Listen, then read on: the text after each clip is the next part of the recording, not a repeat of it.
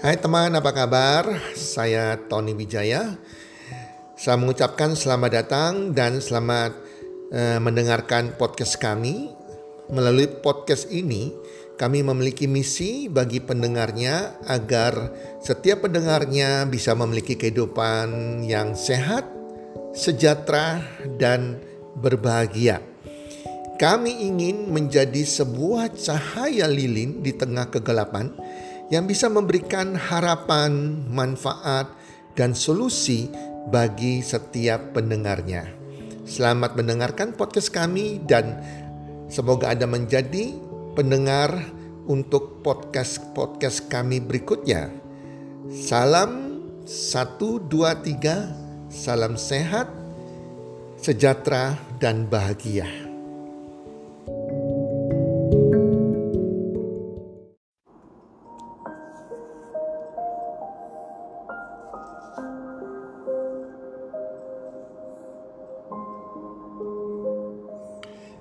Dua hal utama penentu keberhasilan diet.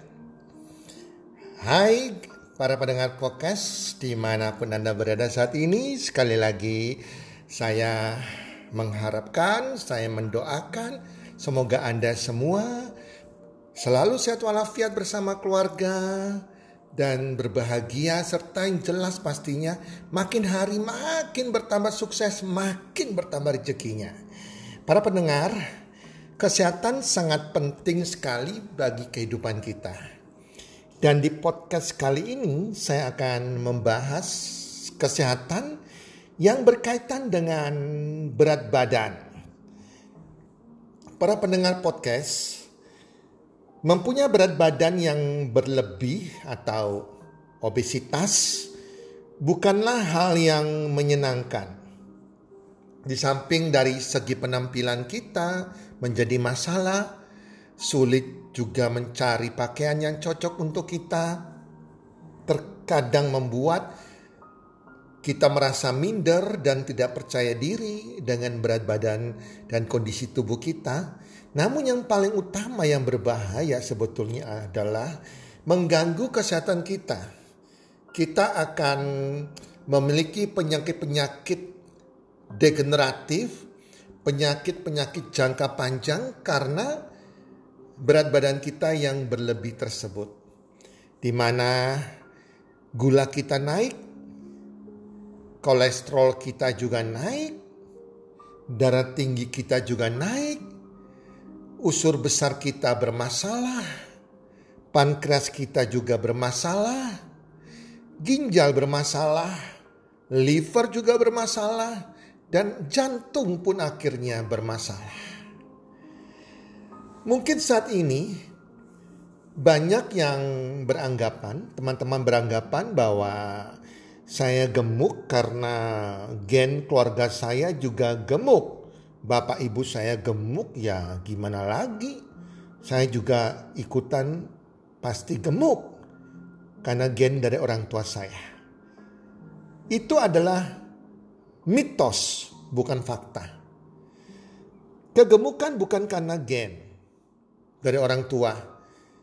Kenapa bisa jadi gemuk? Karena orang tua kita pola makannya sudah salah. Sehingga pola makan yang salah ini diturunkan ke anaknya. Sehingga akhirnya pola makan yang salah orang tuanya gemuk, anaknya juga menurun pola makannya jadi salah, jadinya gemuk juga. Mungkin Anda saat ini sudah melakukan berbagai macam diet, mencoba ratusan obat kurus ataupun suplementasi untuk menurunkan berat badan namun tidak berhasil. Umumnya jelas tidak berhasil jika Anda tidak mengetahui penentu keberhasilan dari sebuah diet. Jadi banyak orang ikut program diet program penurunan berat badan, tetapi mereka tidak menyadari hal apa sih yang membuat mereka bisa gemuk yang dietnya salah. Nah, hari ini kita akan bicarakan dua hal yang membuat diet berhasil yang harus dipahami oleh setiap orang, apalagi apalagi Anda yang memiliki masalah dengan berat badan. Dua hal utama yang Anda harus pahami, kita semua yang tidak gemuk pun harus pahami agar kita tidak menjadi gemuk juga. Yang pertama adalah kalori. Apa itu si kalori? Banyak yang tidak tahu tentang kalori, teman-teman. Teman-teman, setiap makanan yang kita makan akan memberikan kita energi.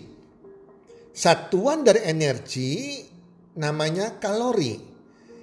Itu seperti halnya dengan satuan dari panjang kita sebut meter. Satuan dari massa kita sebut kilogram. Dan satuan dari energi satuannya namanya kalori. Nah, kalau Anda mau menaikkan berat badan, maka energi yang masuk harus lebih besar dari energi yang dibutuhkan tubuh. Itu kalau kita mau menaikkan berat badan.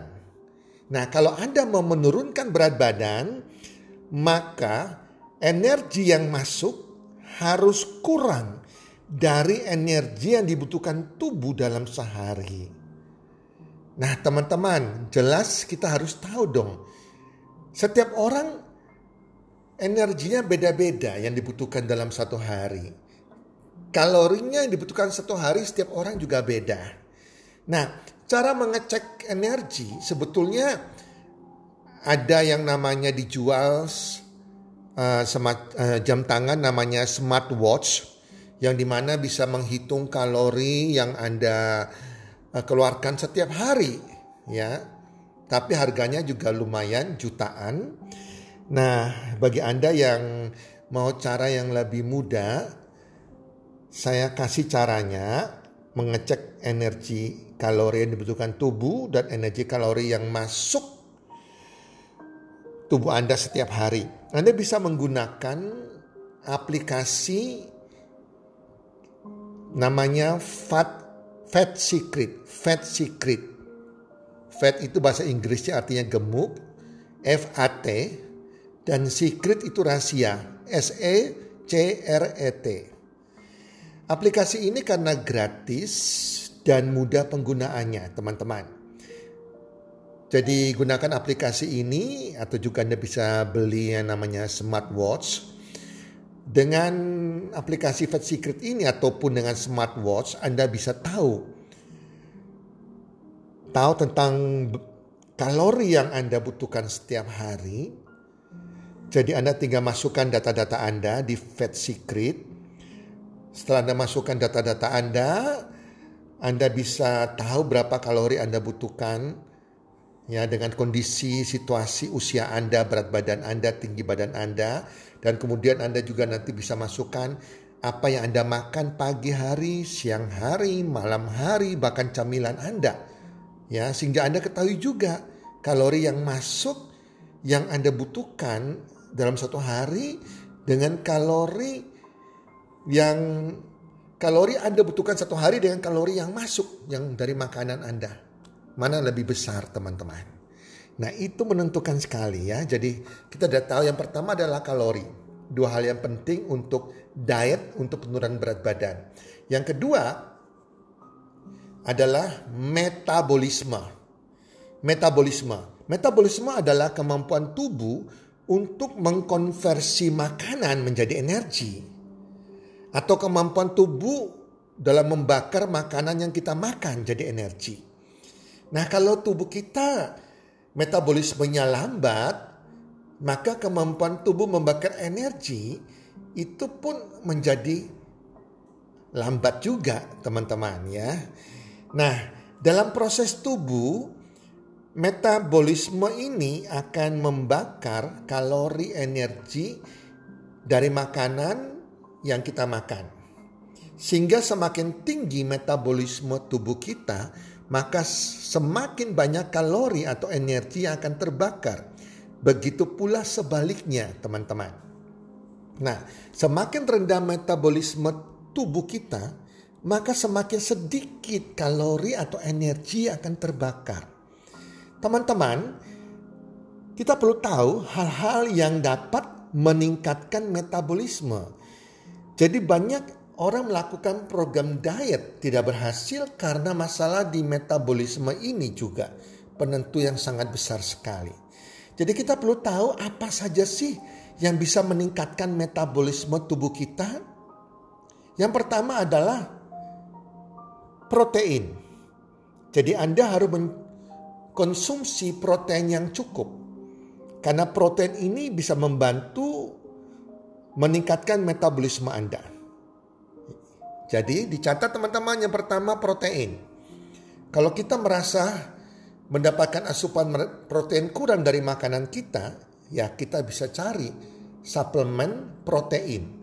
Asal yang alami, organik, halal, dan yang pasti bermutu proteinnya yang mempunyai PDCAS-nya, PDCAAS-nya satu. Artinya terserap 100% oleh tubuh. Dan jelasnya dia memiliki 100% money back garanti. Karena banyak di luar sana semua bicara terbaik tetapi apakah bisa dijamin uang kembali belum tentu teman-teman. Kita cari yang terbaik ya.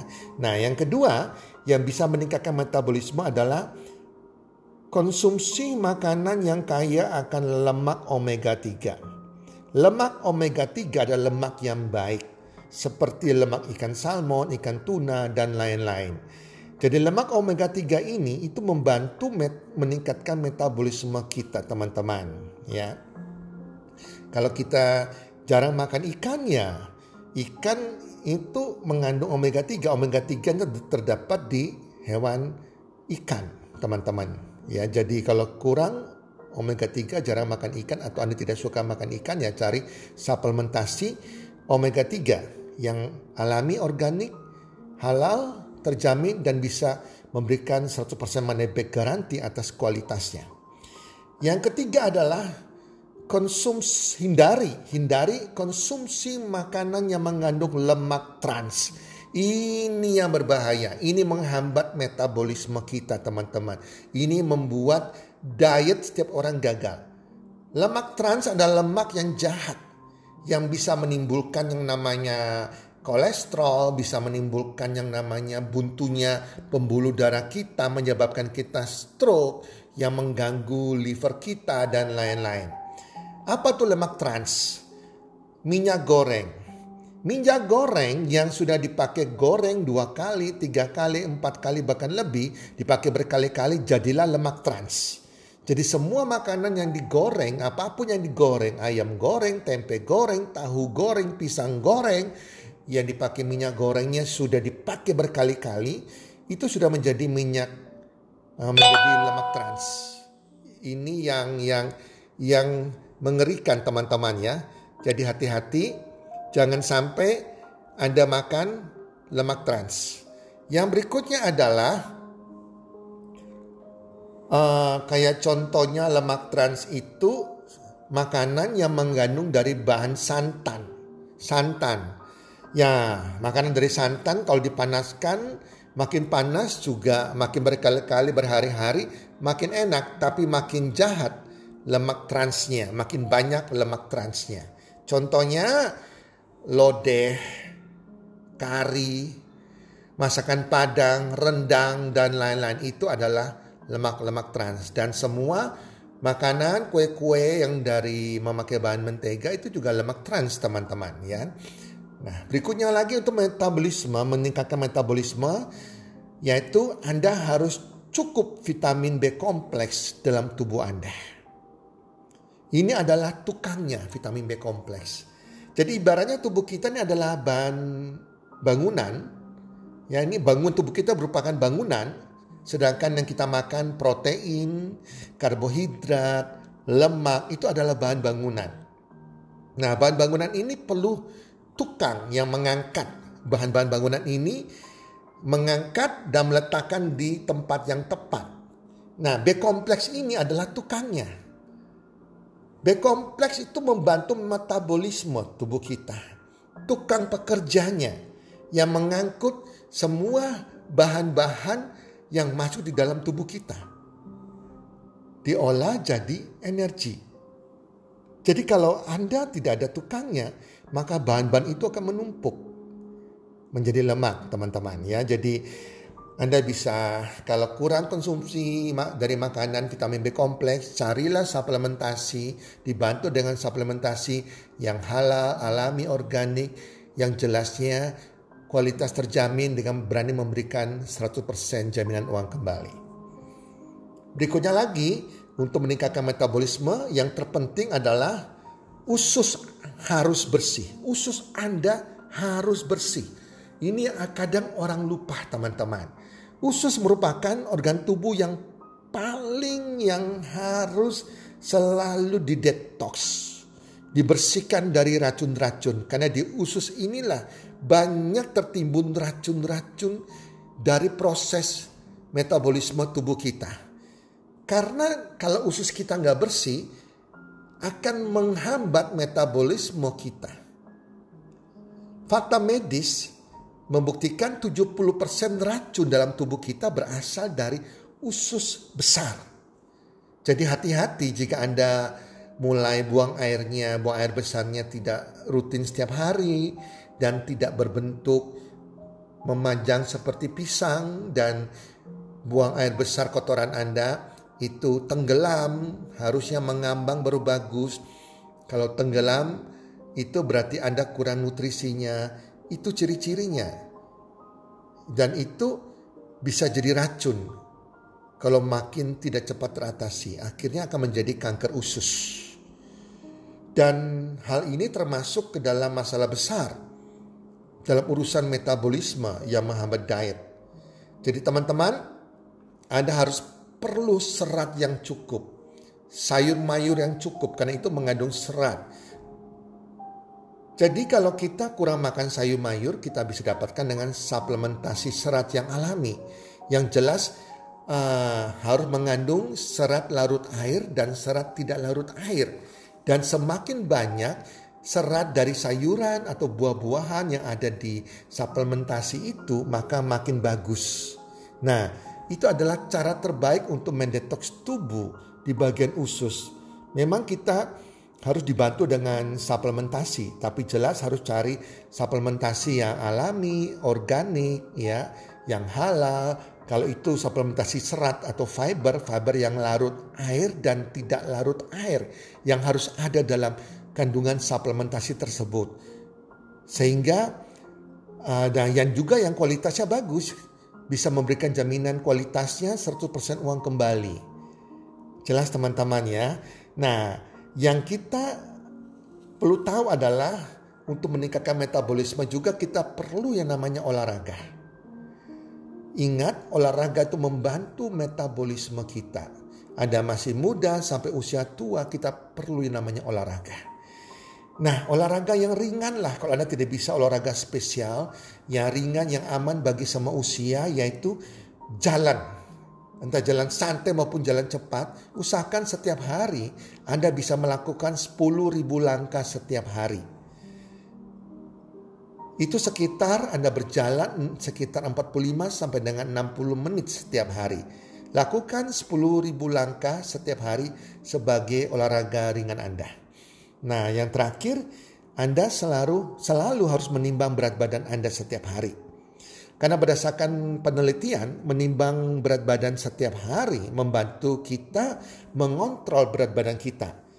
Karena hal tersebut bisa membuat kita sadar dan kita ketahui oh berat badan kita lagi naik atau tidak. Kita lagi kelebihan kalori atau tidak. Begitu. Jadi kalau dampak baiknya adalah kalau kita sadar kita berat badan kita lagi naik, maka kita mulai mengatur pola makan kita lagi dan usahakan gunakan, gunakan timbangan digital daripada menggunakan timbangan jarum karena timbangan jarum sering kali tidak akurat dan mudah rusak teman-teman. Nah, teman-teman pendengar podcast itu yang bisa saya bagikan pada hari ini dua hal utama yang perlu Anda ketahui untuk membantu diet Anda. Anda hari ini yang punya berat badan yang normal atau berlebih atau lagi kurang, Anda semuanya harus mengetahui dua hal tersebut. Untuk kita memiliki kehidupan yang sehat dan umur panjang berbahagia sampai usia tua. Demikian para pendengar podcast. Salam sukses. One, two, three.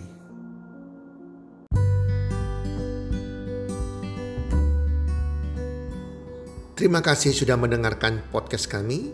Teman, jika Anda rasa bermanfaat podcast kami ini, Anda bisa menginfokan kepada rekan kerja Anda, keluarga Anda, teman ataupun sahabat Anda.